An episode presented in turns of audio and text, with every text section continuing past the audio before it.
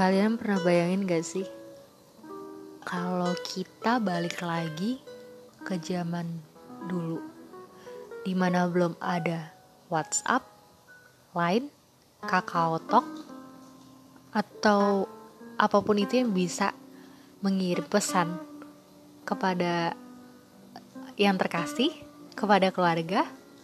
Coba bayangin kalau kita masih zamannya hmm, let's say pakai email. Atau pakai postcard. It's going to be very very like romantic right? Hmm, I don't know. Since well I can tell but yeah. I think it's really really cute when someone send you um, email atau postcard hanya untuk mengirimkan suatu pesan. Itu hal yang unik sih menurut aku. Kayak kayak itu kan kuno banget kan ya kalau orang-orang mikir, "Hah, lo ngapain pakai email? Ngapain lo pakai postcard? Udah ada WA, udah ada Line, udah ada DMIG, ngapain lo pakai email?" gue sebenarnya jujur gak nyangka banget kalau pakai email tuh kesannya lebih formal. Eh nggak formal juga sih. Bisa dibilang hmm, cara yang unik untuk mengirim pesan ke seseorang. Mungkin buat teman-teman cowok yang mau nembak atau PDKT sama cewek boleh nih dicoba cara ini. Coba kalian ngirim deh email gitu ke mereka. Mereka pasti kayak kaget kan kayak ah udah zaman WA masih aja ngirim email gitu. Mungkin buat beberapa orang itu kuno. Tapi somehow ada beberapa cewek itu yang seneng di um, perlakukan seperti itu diperlakukan dengan sesuatu yang unik gitu. Mungkin ada beberapa teman-teman yang juga tahu. Um, kalau nggak salah gue waktu itu lihat di TikTok ada yang ngirim pesan gitu lewat kayak coding gitu. Itu keren banget sih kayak gimana tuh cewek nggak meleleh kalau digituin tapi iya.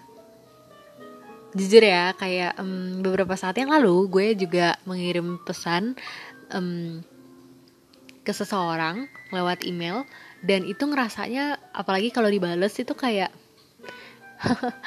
ketawa aja gitu. Kayak udah zamannya ada DMIG, udah zamannya ada Line, ada WA, tapi ini masih instead of that mendingan pakai email gitu. Mungkin kalau gue sebagai cewek ngerasa kayak wow, dan kalau email kan ya kali deh cuman ngirim kalimat yang enggak kan. Jadi bener-bener kayak cerita jatuhnya kayak postcard tapi lebih digital. Sama gue akan mencoba kali ya kalau misalkan postcard tuh kayak gimana kalau dikirim. Tapi kayak gue suka aja gitu sama cara-cara unik seseorang untuk mengungkapkan sesuatu atau untuk mengirim pesan. Kayak gak usah deh ngomongin pacaran gak usah ngomongin gebetan. Ngomongin keluarga aja kayak kalau keluarga lo ngirim pesan lo lewat email. Lo kayak kaget gak sih? Wah gila email. Ngapain lewat email? Waduh udah ada WA gitu.